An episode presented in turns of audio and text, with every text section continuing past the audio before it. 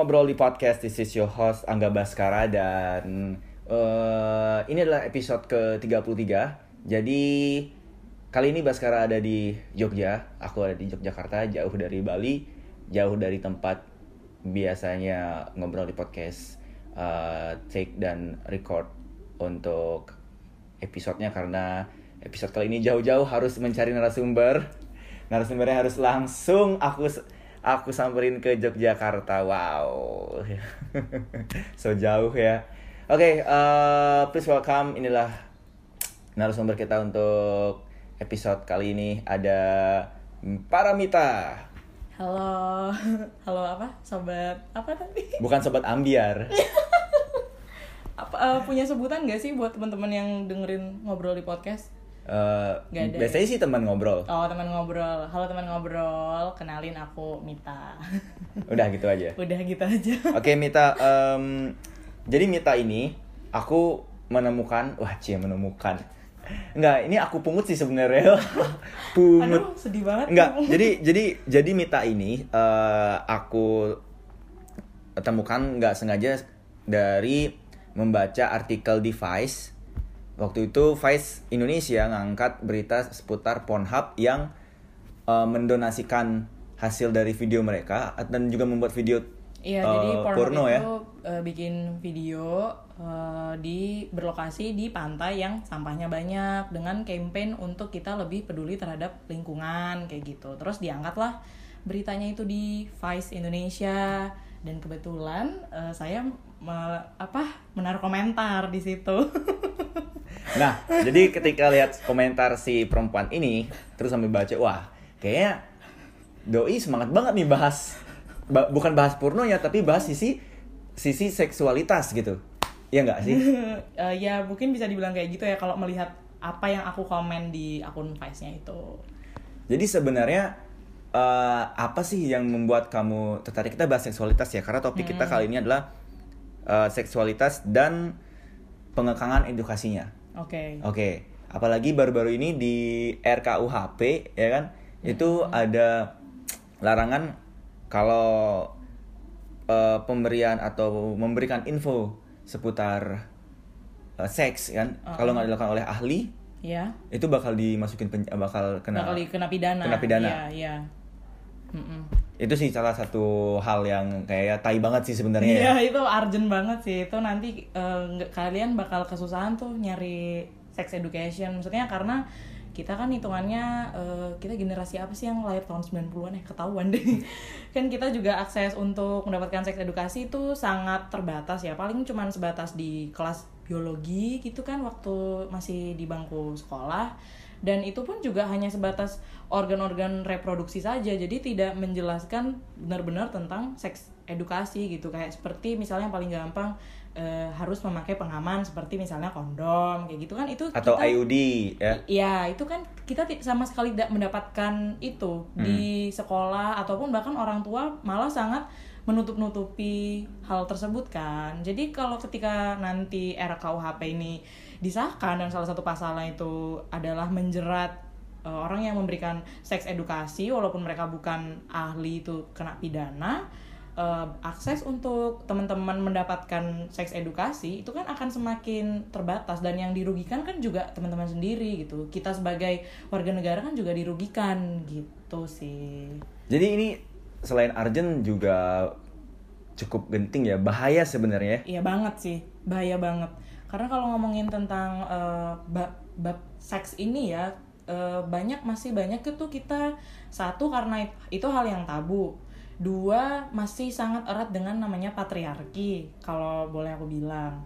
Terus ya ketiga itu um, ada juga stigma-stigma dari um, masyarakat yang masih menganggap bahwa apa sih kumpul kebo terus uh, seks di luar nikah tuh adalah dosa dan aku juga pernah baca tuh ada yang bilang kalau ketika uh, ada orang kumpul kebo atau berzina dalam satu lingkungan itu yang kena dosa adalah 40 rumah.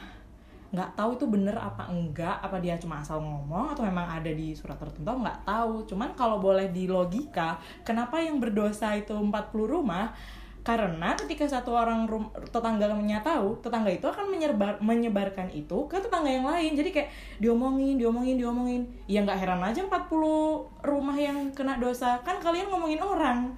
Gitu Po- sih logikanya. Poinnya sebenarnya bukan bukan karena having sex atau zina, tapi dengan satu orang tahu, wah nih si A sama si B ini lagi zina nih. Hmm. Terus dia ngomong, eh eh eh tahu nggak sih kemarin nggak sengaja ngeliat si A sama si B gitu Jadi kan? gosip kan Iya. Makanya dosanya dosa ngomongin orang iya dosa sebenarnya. ngomongin orang jadi Bu- 40 rumah bukan dosa kar- karena ngewe. iya yang ngewe berdua mah ya kali yang dosa 40 rumah kan nggak make sense banget Benar, gitu benar, kan benar. bener gak sih Benar benar. Tapi eh, sejauh apa sih kamu tertarik dengan seksualitas? Karena kan untuk di Indonesia sendiri ya, Hmm.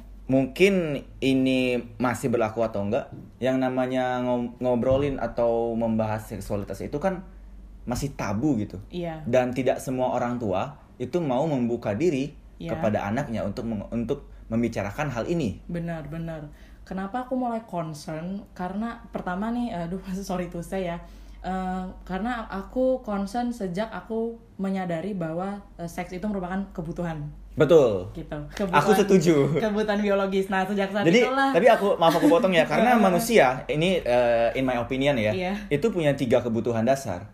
Ada, eh tapi yang yang menurut aku standar kesehatan. ya apa Ada sehat jasmani, sehat roh- rohani, sehat birahi. oke bener bener bener. Iya kan?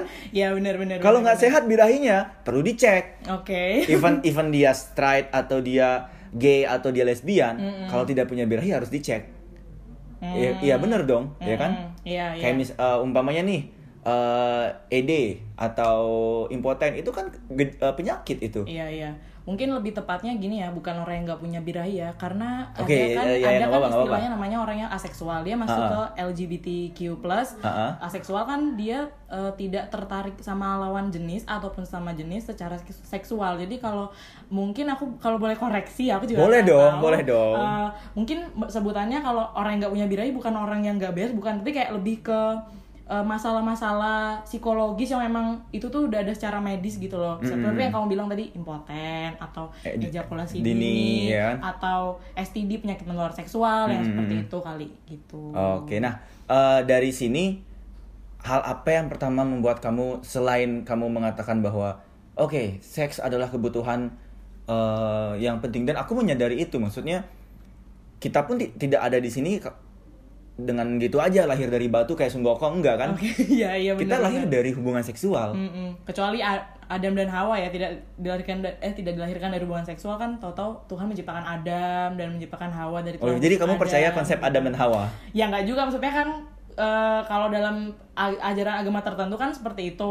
asal mula terciptanya manusia selain Mm-mm. mereka berdua Mm-mm. diciptakannya kan lewat hubungan seksual. Iya, makanya eh, selain tadi seks adalah kebutuhan, apalagi sih yang membuat kamu merasa wah kayaknya eh, ini perlu di concern dan perlu diajarkan supaya nggak dipelintir gitu, nggak di nggak dibawa ke ranah yang aneh-aneh. Kalau nomor satu sih menurutku tetap karena seks itu adalah kebutuhan. Jadi mungkin eh, selain kebutuhan nanti either kamu eh, seks bebas, maksudnya dalam artian kamu belum menikah tapi sudah melakukan hubungan seksual ataupun sudah menikah, karena orang-orang yang sudah menikah pun juga mereka tuh masih banyak banget gitu loh yang masih tidak teredukasi. Itu tadi karena satu budaya patriarki.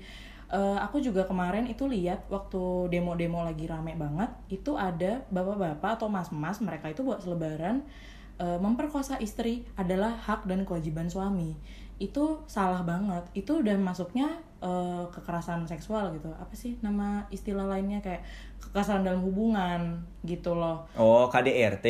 bukan KDRT sih. Oh bukan KDRT. apa sih Nggak tuh asbun aja sih sebenarnya. apa ya istilahnya tuh? Aduh kok aku lupa. Gitulah pokoknya. Masuknya itu dia eh, marital rape gitu loh. Jadi Mm-mm. kekeras- suatu kekerasan dalam hubungan kan kayak gitu. Itu sih yang eh, orang juga tahu. Jadi ya memang yang mendasari kalau menurutku tetap karena seks itu adalah kebutuhan. Cuman kan masalahnya sekarang karena di Indonesia masih tabu kan either kamu sudah melakukan seks bebas sebelum kamu menikah atau kamu baru melakukan itu setelah kamu menikah.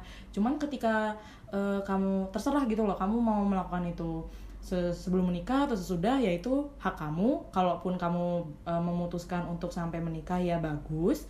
Cuman kan bukan berarti eh, bagus itu bukan berarti nanti kamu akan baik-baik saja gitu kan tidak gitu loh toh kenyataannya sebelum ada banyak orang yang demo untuk mengesahkan eh, RUU PKS juga di TV ya kalau nggak salah tuh ada yang kayak figur gitu dia marah-marah gitu laki-laki lo nggak bisa dong kalau suaminya lagi pengen ya mau nggak mau ya Oh, Yang yang, itu. Iya iya iya iya. pernah tahu nggak sih itu Tahu tahu. Itu kayaknya di di Kompas TV nggak sih Kompas itu? TV atau di Mata Najwa kayaknya pernah ya. iya kalau nggak salah sih Kompas TV Pokoknya orang bergelar lah. Iya, Pemuka iya, agama nggak sih? Pemuka agama kalau nggak salah. Nah it- itu tuh salah banget. Masalahnya, maksudnya aku bukannya untuk mendiskreditkan satu agama tertentu ya, karena dalam agama itu sendiri, eh, dalam agama Islam sebut aja, itu ada kitabnya sendiri gitu loh, yang mengatur bagaimana eh, hubungan suami istri. Salah satunya adalah bagaimana berhubungan seksual. Gitu. Sama seperti Kama Sutra ya kan? Iya, sama Ya. seperti Kama Sutra kalau gitu. Mungkin kalau aku juga nggak pernah baca eh, Kama Sutra ya, tapi kalau boleh kalau menurut eh, sepengetahuanku di Kama Sutra kan mungkin lebih membahas ke gaya gitu kan. Mm-mm. Kalau di kitab kupu-kupu. ya ya gaya kupu-kupu, gaya bebas ya gitu-gitu. Nah, kalau di kitab ini, kalau nggak salah nama kitabnya tuh kitab Quratul Uyun, Mm-mm. itu dia membahas kayak lebih bagaimana sih eh, kamu sebagai suami tuh nge-treat istri kamu dalam konteks berhubungan seksual tuh seperti apa gitu. Jadi kayak dalam agama pun juga sebenarnya kalau ditelaah lagi aku juga bukan orang yang eh, bukan Agamis, agama ah, gitu, bukan tapi agamis aku ya. pernah baca itu isi kitabnya ya memang eh, nggak boleh gitu loh maksa kalau misalnya eh, kamu nih misalnya sebagai aku sebagai istri gitu aku pengen eh mbok ayo aku lagi aku lagi pengen nih aku lagi sangen nih gitu kalau suaminya nggak mau ya nggak nggak bisa dipaksa begitupun kalau suami pengen kalau suaminya sange istrinya nggak mau ya nggak bisa juga Sangenya sama Gitu. Fatur nggak? Waduh, eh dia nggak ngebelain loh RUU PKS, ngapain lo sange sama dia? Iya, jadi eh, teman-teman pada tahu Fatur nggak sih sebenarnya nih? Kita gibah aja ya. iya, aduh malah jadi ngomongin orang ya. Mending eh, kalau kata aku di skip aja deh. Takutnya buzzer-buzzernya nanti pada nyerang. Iya, bener. Anggap Kita aja ini obrolan obrolan aja. chat WhatsApp tapi levelnya Spotify. Oke. Oke, Direct live. dari yang udah kamu katakan tadi bahwa sampai pemuka agama pun ya kan sampai teman-teman dan ternyata ada pria-pria di luar sana yang berdemo tidak mau ikut mendukung RUU PKS. Iya. Ini penyebabnya apa sih, Mit? Dari kacamatamu itu, dari sepengetahuanmu sampai akhirnya wah nih orang nggak beres nih Oke. gitu. Kalau menurutku mungkin karena mereka itu takut kali ya. Maksudnya kan karena budaya balik lagi ya ke budaya patriarki lagi. Itu Jadi budaya patriarki ini emang keras banget even uh, anjing banget boleh sih ngomong kasar. boleh boleh ngomong Sorry anjing anjing boleh anjing iya boleh ngomong anjing Ya gara-gara itu karena di negara itu masih sangat melekat ya budaya patriarki. Jadi ya Mm-hmm. namanya gitu. Eh, aku juga bukan stereotip atau gimana namanya. Udah suami pengen ya mau nggak mau istrinya kudu mau gitu. Nanti kalau misalnya itu disahkan ya terlepas itu kan nggak cuman isinya kan nggak cuman bab suami istri tapi kayak pemerkosaan, pelecehan dan Mm-mm, lain-lain. mm-mm. Kalau menurutku orang-orang yang menolak itu kayak lebih dia kayak wah anjir nanti gue dipenjarain ya sama istri gue ya nggak mau lah kayak gitu. jadi fokusnya lebih ke poin ketika bareng istri nggak bisa lagi melakukan Iya, hubungan badan menurutku itu alasan kena ada orang-orang yang menolak eh, RUU PKS. Itu alasan salah utamanya. Iya, menurut Ah. menurut eh, pikiranku ya, pemikiranku sih seperti itu. Maksudnya kan Oke. padahal yang ada di RUU PKS kan tidak cuman eh, masalah itu ya, ada yang memang eh, pelecehan gitu, terus catcalling mungkin juga termasuk. Aku juga belum membaca Cewek, piu, piu. semuanya. iya gitu. Itu kan catcalling juga? Iya, tapi sebenarnya eh, ngomongin eh, har- apa catcalling atau sexual harassment. kamu pernah kamu pernah uh, Oh, aku pernah sekali TK malah TK pernah wah, SMP. dari dari TK udah mengalami catcalling nih Bukan catcalling sih, lebih ke sexual harassmentnya. sampai sekarang pernah Sekarang untungnya sih udah enggak. Cuman ya traumanya masih ada, cuman ya healingnya sudah ya sudah cukup baik lah. Kalau cerita udah nggak nangis gitu. Uh, jadi kalau boleh berbagi nih, Hmm. uh, sexual harassment seperti apa yang pernah kam yang pernah kamu dapatkan gitu sampai bikin trauma dan jangan nangis dulu dong. Nggak nangis. Cuman ya cukup emosional gitu. Ah. Eh, jadi ini aku pertama kali ya berbagi eh, pengalamanku yang ini. Karena bener-bener nggak ada satu orang pun yang tahu. Maksudnya aku cuman pernah bilang ke teman-teman dekat kalau ternyata tuh aku dulu waktu Wow, masih suatu kehormatan untuk ngobrol di podcast. pernah gitu. Tapi kalau untuk cerita tuh nggak pernah. Jadi gini loh eh, waktu itu aku ingat TK kecil kalau nggak salah umur 4 tahun kan udah bisa inget ya kalau masih bayi di bawah 4 tahun kan udah nggak inget apa-apa tuh kayaknya Mm-mm. nah itu antara 4-5 tahun tuh aku punya tetangga cowok aku suka memang main, suka main ke tempat dia namanya juga anak-anak kan lagi nonton TV Ini udah udah besar nih tetangganya. udah udah umur ya 20-an lah ya Pedofil anjing. makanya itu terus abis itu eh, aku main lah nonton TV gitu dan eh, maaf banget nih ya aku bilang eh, cowok itu memasukkan tangannya ke dalam lubang vaginaku. Gitu. Kayak ya dia fingering lah ya namanya gitu. Heeh. dan namanya juga anak kecil kan ya. Kan nggak tahu gitu loh itu apa.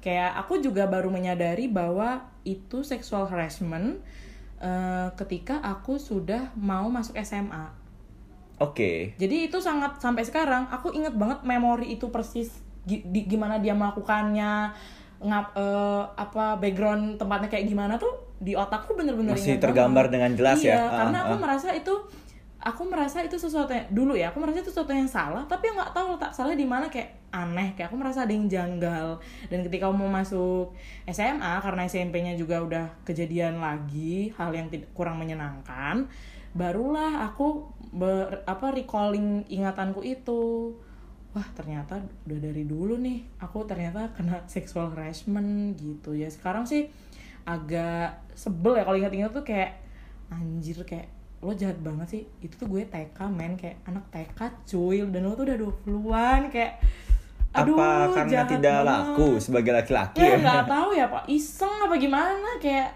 ya gitulah tapi Ya, ada mau- bocah nih. gimana Yang ini kali enak ya?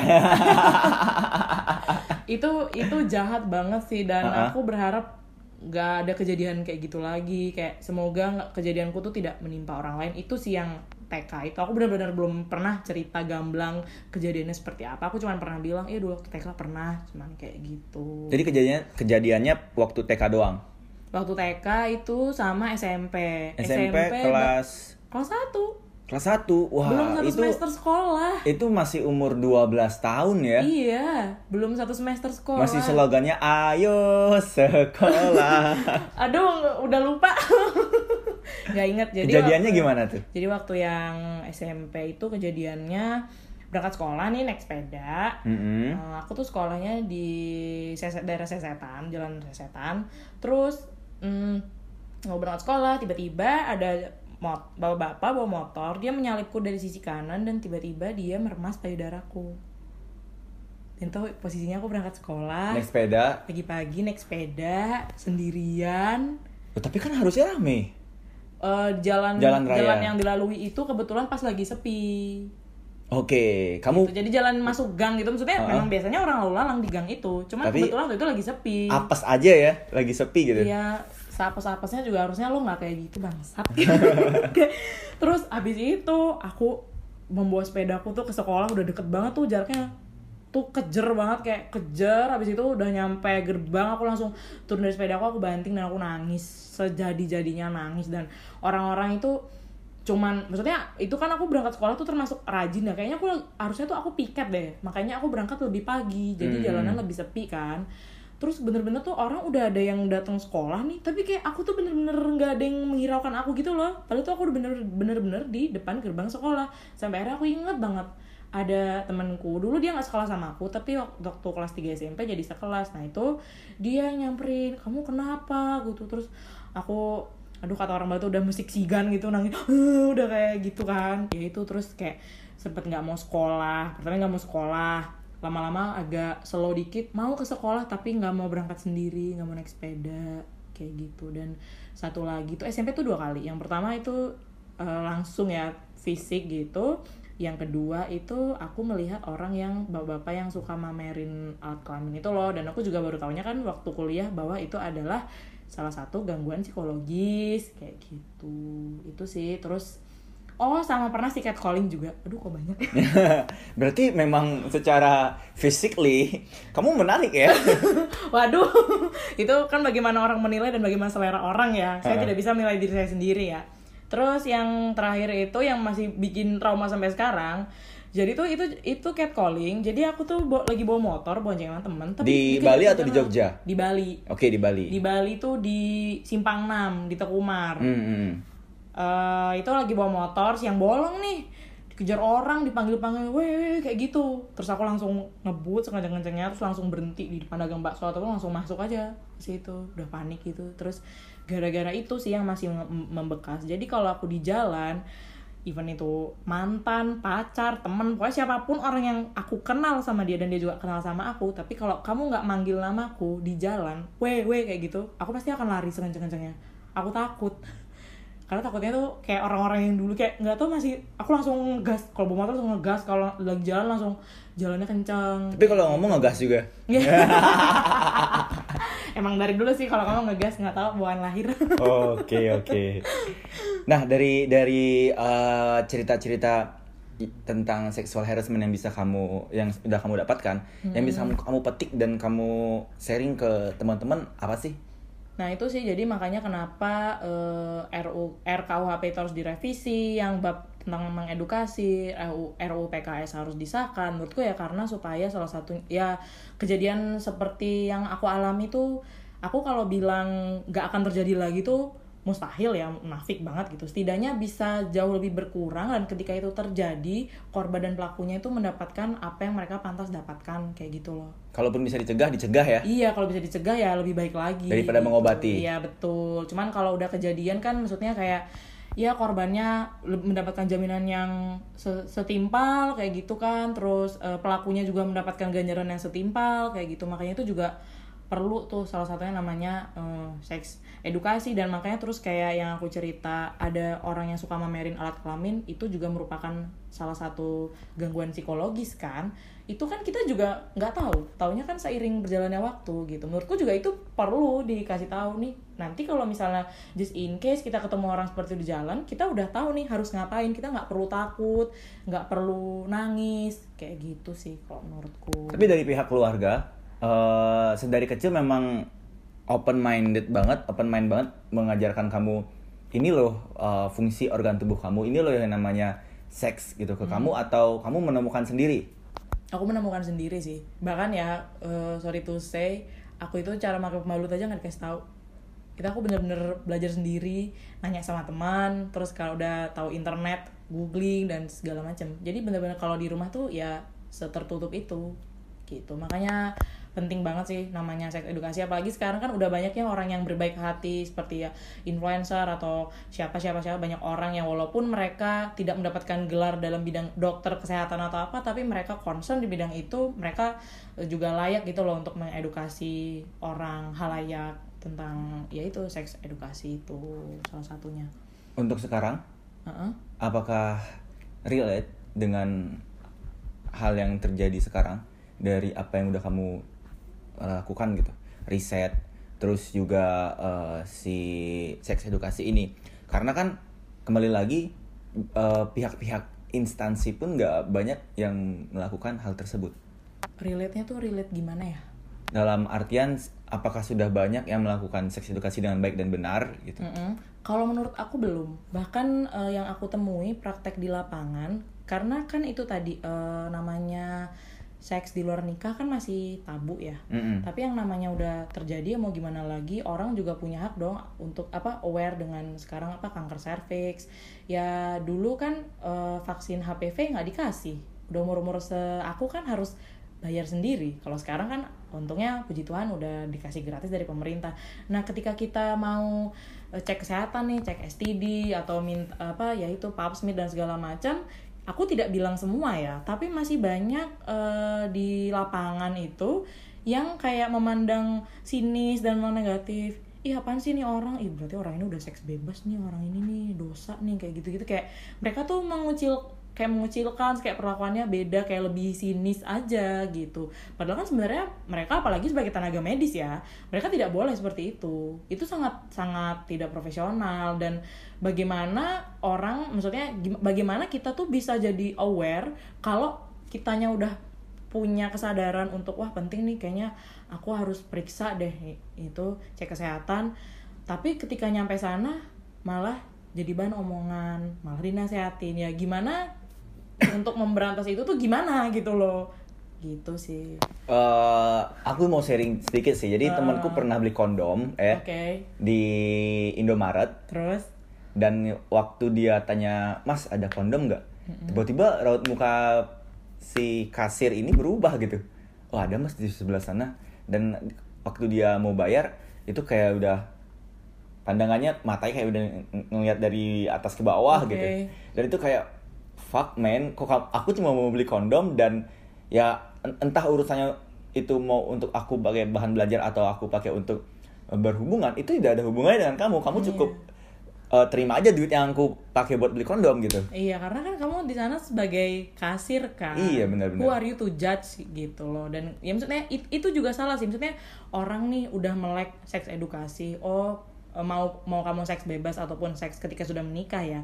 Eh, pakai kondom itu perlu gitu. Dan aku sih nggak tahu karena aku belum menikah ya. Kayaknya banyak sih orang yang walaupun udah menikah dia berhubungan seksual mentang-mentang udah suami istri ya. Mungkin orang kalau menurutku orang itu pakai kondom cuman supaya biar nggak hamil kalau menurutku loh ya orang itu nggak nggak melihat itu eh, di apa sih dalam aspek kesehatannya mereka mikir udahlah orang udah istri ngapain juga pakai kondom padahal kan bukan hanya bukan hanya cuma itu itu kan lebih ke kesehatan eh, reproduksi kamu gitu kan.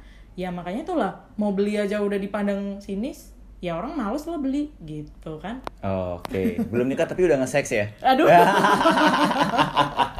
Ya bisa dinilai sendiri aja lah ya. Nah, eh, yang kemarin juga rame itu adalah tentang aborsi. oke. Iya, bahwa korban pemerkosaan kalau dia mengaborsi eh, bayi hasil eh, kecelakaan ya oke yang dilakukan oleh si pemerkosa, dia akan dipenjara sekitar empat tahun. Itu eh, aku lihat ada di salah satu artikel. Aku maksudnya eh, aku nggak mau sebut nama iya iya eh, akunnya karena karena takut salah kan. Mm-mm. Ya saya juga manusia. Iya ya. benar. Nah jadi bisa berbuat salah. Mm, mm, bener banget. Makanya kalau dari kamu menilai aborsi dulu deh, Mm-mm. dan juga kaitnya dengan korban pemerkosaan, karena tidak tidak semua eh, korban pemerko- pemerkosaan kan mau Mm-mm. dan siap untuk Iya. memiliki anak hasil yang bukan diinginkan. Iya. Kalau aku sih eh, aku setuju dengan aborsi. Mau it, mau itu terjadi karena tidak diinginkan, ya tapi biasanya orang aborsi karena terjadinya karena tidak diinginkan ya selain alasan kesehatan Dan juga menghindari MBA. Iya benar. Aku setuju. Kenapa? Karena responsibility untuk punya anak itu berat banget, berat banget satu. Dan gimana ya? Daripada menurutku daripada mempertahankan eh, apa nih calon bayi yang benar-benar kita belum tahu dia akan menjadi orang yang seperti apa ya kalau bisa dicegah dicegah gitu loh daripada nanti dia udah lahir ibunya baby blues satu kedua ketika ada yang ngerawat dia ngerawatnya salah-salah misalnya miskin atau gimana dia tidak mendapatkan pendidikan yang baik dia tidak mendapatkan asupan makanan yang baik tidak terpenuhi secara eh, kesehatan pendidikan kayak gitu dia akan menjadi kalau boleh kasar ya dia bodoh lah apa gitu kan malah kita malah jadi nambah dosa nambah nambah PR gitu loh Contohnya kayak kasus eh, yang sempat aku baca di satu keluarga, entah ini di pulau mana, saking tidak punya uang untuk beli susu, si anak dikasih kopi men. Anjir Wah ini serius, aku baca di Line Aku pernah Today baca juga deh. atau di eh, Twitter ya kalau nggak salah dikasih kopi men, saking dia nggak bisa beli susu. Nah, itu juga, itu kan kalau kayak gitu masuknya ntar jadi PR negara dong. Ini ngapain nih kok bisa bayi eh, dikasih susu nih negara gimana nih? Ujung-ujungnya karena tuh juga negara juga gitu loh. Kenapa sih kamu tuh nggak mem- memikirkan mental si calon ibu instead of mikirin itu tuh itu tuh kamu melanggar hak asasi manusia lah yang mengandung itu tuh juga punya hak asasi manusia dia juga berhak untuk mem- memutuskan untuk melakukan aborsi kayak gitu sih kalau menurut aku Jadi someday kalau misalnya kamu nggak siap punya anak tapi Hmm. udah kejadian, aduh jangan sampai apakah kamu akan melakukan aborsi? Nggak tahu ya. Aku jawab nggak tahu karena mungkin aduh amit-amit sih. Duh misalnya in case gitu eh, tiba-tiba ah, tau-tau punya anak nih tidak diinginkan. Tapi secara mentally aku sudah siap dan aku menginginkannya ya mungkin aku tidak akan melakukan. Tapi ketika case-nya aku belum siap terus aku gimana gimana kayak belum siap aja gitu secara eh, mental atau secara apa sih finansial dan yang lain-lain ya mungkin aku akan melakukan itu. Cuman ya aku sih setuju kalau ketika orang melakukan aborsi. Maksudnya setuju bukan berarti udah aborsi aja gitu. Kita kan juga harus lihat alasannya tuh apa reasonnya tuh apa gitu loh. Kenapa sih? Ya itu kita tuh malah harusnya lebih menurutku lebih berfokus kepada si calon ibu ketimbang calon bayinya. Gitu. Jadi lebih ke depend on situation, yes. Of course. of course. Nah, untuk korbannya sendiri nih, Heeh. selain mental pasti ya mental Heeh, yang iya. diserang yang paling pertama adalah mental kan, selain fisik. Iya. Eh, menurut kamu gimana nih korban apa nih korban dari pemerkosaan itu sendiri ya pasti dan juga abo eh, korban aborsi ya? ambiar banget sih ya gimana Cidro ya? dong. Hancur banget sih ya gimana ya itu juga penanganannya kan harus harus baik ya aku kan karena nggak tahu gimana cara menangani ya harus disupport misalnya kalau eh, dalam lingkup paling kecil keluarga misalnya tiba-tiba nih si cewek bilang "Eh, pak bu aku hamil luar nikah lala gimana? Ya orang tuanya nggak serta merta marahin. Ya kita juga ya memang sih itu salah lo goblok sih. Maka itu butuh sex education. Lo sih goblok gitu. Ngewe tuh bisa nggak sampai pu- bro apa jadi anak gitu. Makanya ya bukannya lebih udah- lebih eh, kesalahannya bukannya eh, ke si anak sih tapi lebih ke si orang tua sih Iya ya kan? satu. Maksudnya gitu makanya tuh maksudnya aku tuh bilang lu goblok sama kejadian tuh karena tidak adanya seks edukasi ah, gitu dari kan. pihak orang tua. Iya satu Iya, orang tua dan ah. juga pihak luar kalau ada gi- ya gitulah sekolah atau yang lain-lain ya. Cuman kalau udah kayak gitu orang tua juga nggak bisa yang, uh gimana nih udah nikah dan lala nggak nggak bisa kayak gitu. Orang tua juga harusnya tidak serta merta menjatuhkan dan harus menikahkan anaknya dan yang lain-lain sebagainya kayak gitu. Kalau aku boleh bilang ya kalau nggak salah, maaf ya kalau salah namanya juga manusia. Itu dalam agama Islam ketika ada korban hamil di luar nikah itu tidak boleh langsung dinikahkan. Itu harus ditunggu dulu. Oke ada hukumnya ya? Iya itu harus ditunggu dulu sampai bayinya lahir itu baru boleh nikah. Kan karena belum tentu ceweknya mau nikah sama yang ngehamilin betul. Kalau kasusnya diperkosa iya kalau misalnya kasusnya gue pacaran sama lo gue gue hamil ya secara logika aja deh pacaran ya kali lu nggak mau nikah gitu. Logikanya seperti itu kan tetap tapi tetap aja hukumnya sih setauku itu harus ditunggu dulu sampai anaknya lahir barulah boleh eh, akad gitu. Wow ini aku baru pertama kali sih aku baru tahu sih ini info yang sangat sangat eh, bagus sekali. Nice info kan kalau salah mau Kasih cendol ya. boleh cendol kan iya anak blok banget dong.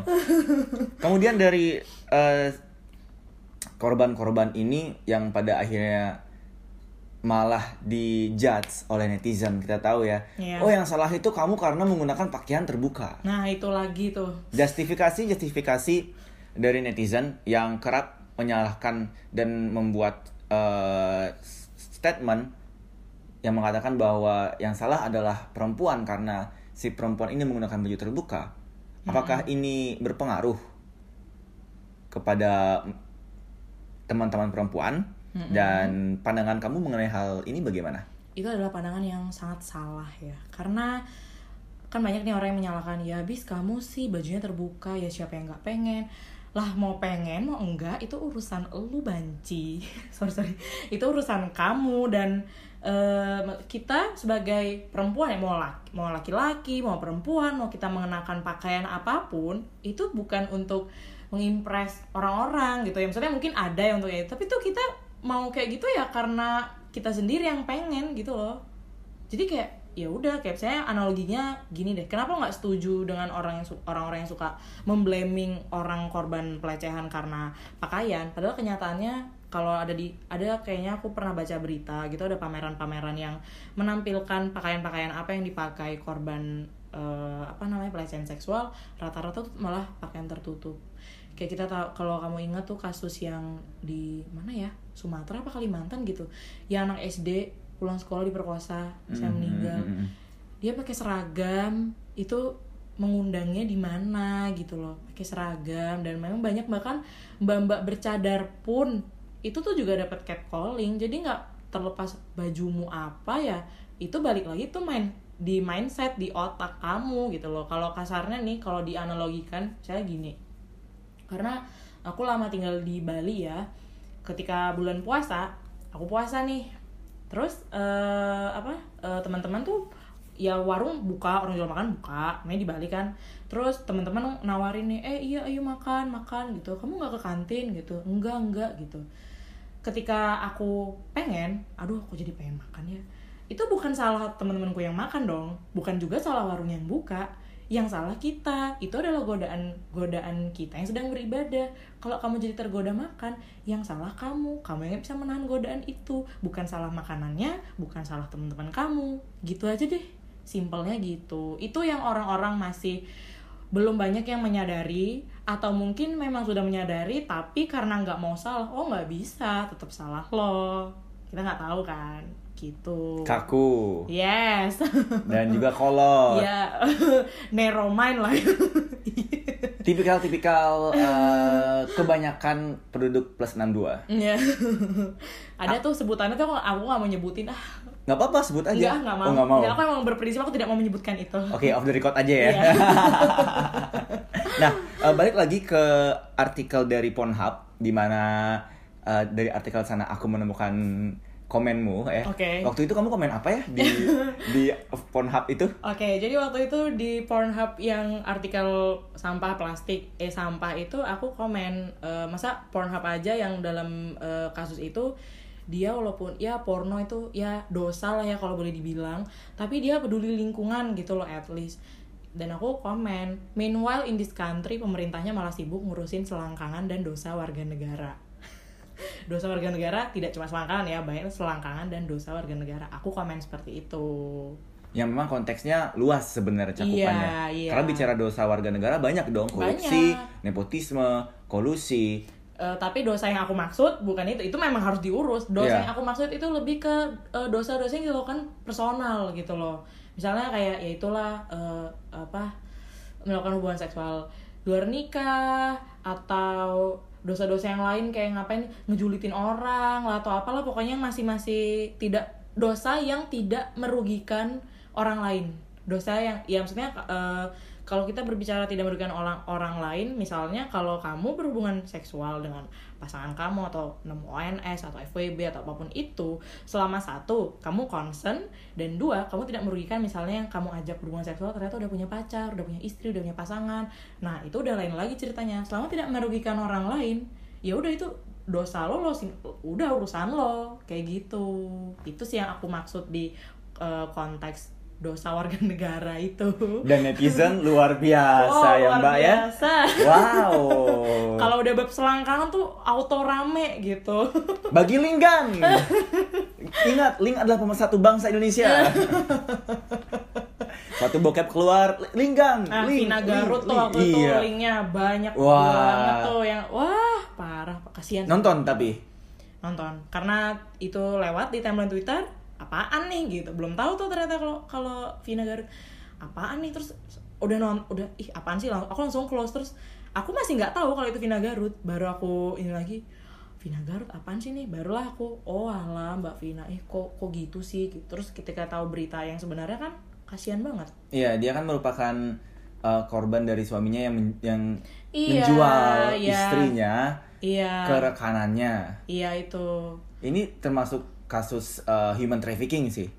Bisa dibilang gitu human gak sih? trafficking masuk mat- apa itu tadi ke- kekerasan seksual dalam rumah tangga masuk kayak gitu kan tapi tetap aja yang di penjara malah Mbak Vina juga kena gitu loh karena mengiyakan kemauan suaminya padahal kan dia mau juga dia dia terancam gitu loh dia tidak punya pilihan lain aku tuh ketika mendengar yang dia diwawancara aku nonton di detik itu sumpah sedih banget anjir kayak ya udahlah karena suaminya tuh ngancam suami ngancam kalau kamu nggak mau nih aku ntar jajan loh di luar udahlah ayolah maulah trisam gitu kalau nggak aku jajan di luar oh ya udah deh biar suami saya tuh nggak jajan di luar udah biar nggak berantem nggak enak sama mertua kayak ya ampun baik banget mbak Vina tapi malah ikutan masuk penjara kan nggak adil banget ya kayak gitu Oke. eh sebagai perempuan, hmm.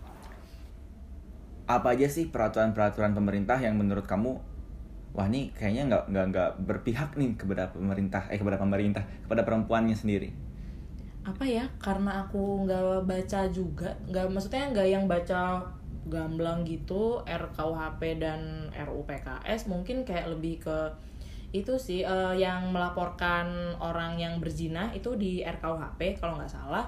Tapi kemarin itu temanku kebetulan ada yang anak hukum. Mungkin dia lebih mengerti ya secara dia kuliah di hukum. Dia menjelaskan kalau yang masalah bab eh, kalau orang berzina dilaporkan orang itu tidak bisa asal gamblang melaporkan jadi dia tuh harus punya kepentingan tertentu gitu loh melaporkan itu. Dan deliknya itu ya di- dia pokoknya dalam bahasa hukumnya itu deliknya itu ya memang harus dilaporkan dan tidak bisa sembarang orang melaporkan. Jadi mungkin kalau emang itu benar oh oke aku setuju. Maksudnya kan tidak semua perzinahan masalahnya merugikan orang lain.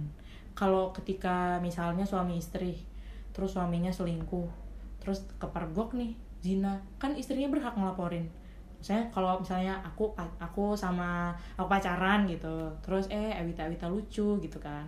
Terus ada orang nih iseng gitu ngelaporin. Uh-uh. nah itu baru dia nggak nggak berhak melaporkan itu. Lo lo siapa? Kepentingan lo apa? Lo dirugikan di bagian mana? Yang kayak gitu. Gitu sih penjelasan teman aku. Oh, oke. Yang expert di bidang hukum itu. Salah jadi satunya sih itu. sebenarnya masyarakat kita untuk mengulas seksualitas ini masih tabu ya banget banget ya Iya. Mita ya Mm-mm. Jadi apa sih yang harus kita lakukan supaya ketika kita membahas hal yang berbau seks Iya. itu nggak tabu lagi gitu, Wow. nggak nggak nggak terbelakang lagi gitu karena kan ya sekali lagi tanpa adanya eh, pembicaraan seputar seks atau edukasi seks ini Hmm. Ya penyakit Oke. dan juga kekerasan seksual itu pasti akan ada gitu. Iya. Kalau menurutku sih kalau sudah generasi-generasi yang sudah seumuran kita atau kayak udah masuk masa remaja ya eh, caranya adalah dengan yaitu memberikan eh, seks edukasi mau apa bisa di sekolah ataupun di luar sekolah kan mungkin ada pemerintah bikin lembaga kayak atau apa kayak gitu yang berwenang aku juga nggak terlalu ngerti dan ya apa namanya yang kedua ketika orang-orang tua milenial sekarang nih yang baru-baru punya anak ya kalau bisa eh, transparansi sih. Maksudnya mengajak mulai mengajarkan seks edukasi kepada anaknya kayak gitu. Jangan kayak orang tua orang tua zaman dulu yang itu tabu banget. Ya walaupun tidak semua ya kayak gitu. Terus ya apalagi dan menurutku kalau eh, di seumuran kita aja masih banyak orang yang hmm, ya itu tadi konservatif lah kasarnya. Kayak aku nih misalnya aku sih orangnya ya udah kalau kamu mau seks bebas ya udah nggak apa-apa. Aku tidak memandang kamu baik dan tidak memandang kamu buruk.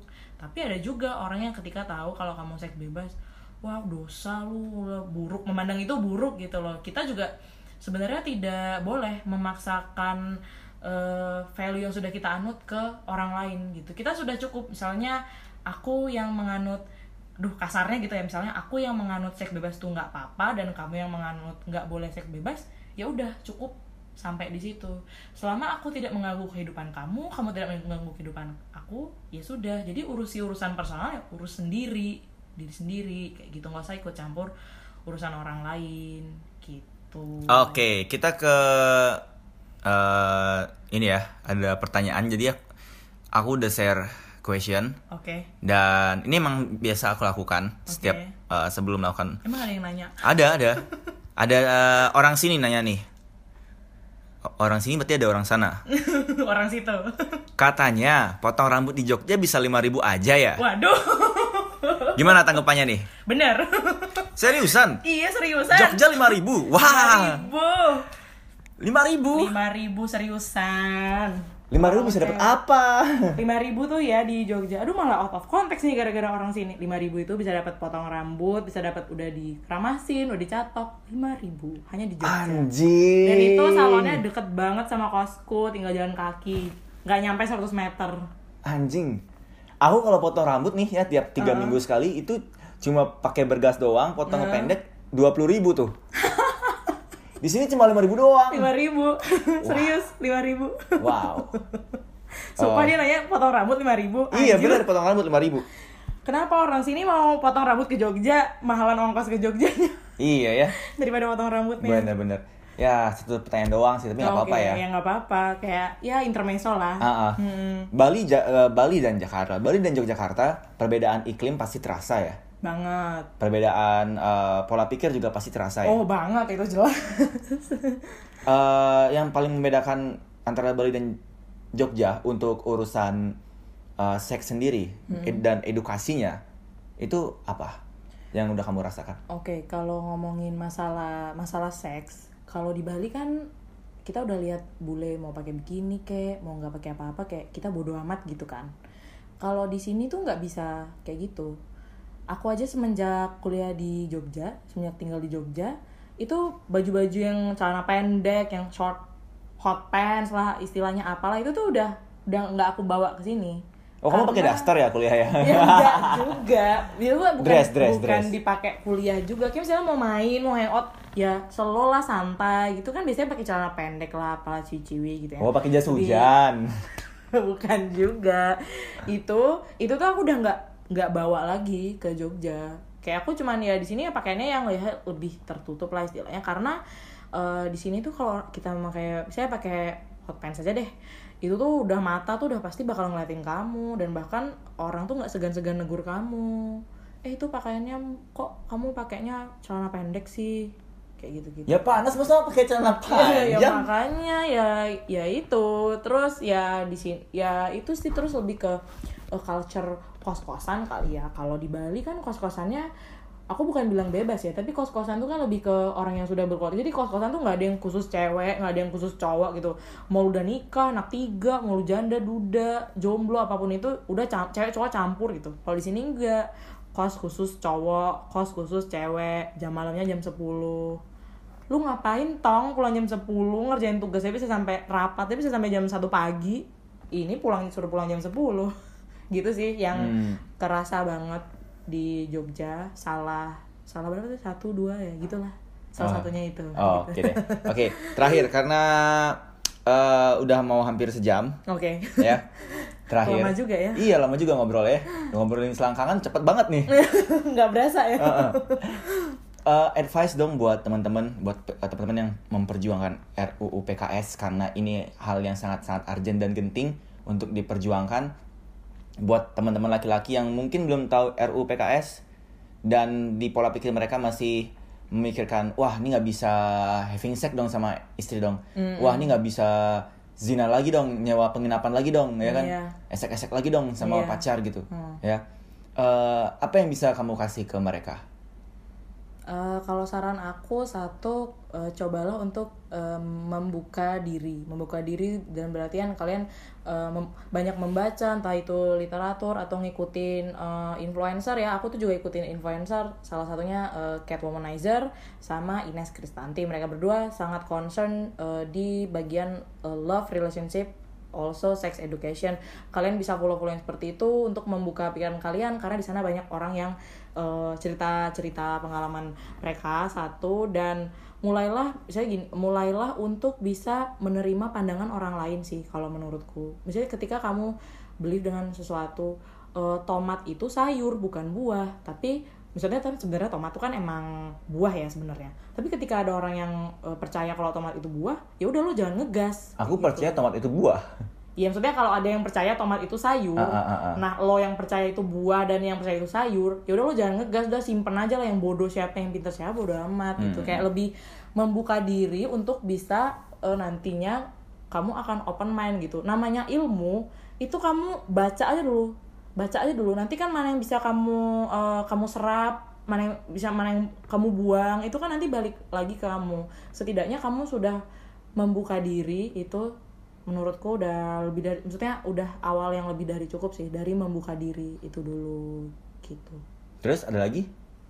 apalagi ya itu sih awalnya dari membuka diri yang mau bilang mau bilang jangan neromain ya juga awalnya membuka diri kayak gitu. Jadi- banyak-banyak membaca Ah, ah. banyak-banyak membaca dan mungkin bisa untuk eh, mainnya itu pindah circle. Pindah circle dalam artian eh, orang yang sudah misalnya dia di satu circle tertentu gak cuma teman misalnya dalam satu lingkungan hmm, wilayah gitu kalau kamu cuma di situ-situ aja pasti pola pikirmu itu akan tertutup karena kamu tidak tidak ketemu orang lain tidak ketemu uh, pola pikir orang lain tidak menemukan perspektif orang lain. Jadi main-mainlah keluar-keluarlah banyak-banyaklah kamu belajar uh, dari um, mencari misalnya teman baru yang kayak gitu-gitu. Jadi ketika kamu udah keluar dari lingkungan kamu dari circle kamu kamu akan mendapatkan perspektif baru pola pikir baru insight baru dan itu menurutku sangat membantu sih untuk menjadikan kita orang yang jauh lebih terbuka dan ketika kita lebih terbuka kita akan bis- lebih bisa menerima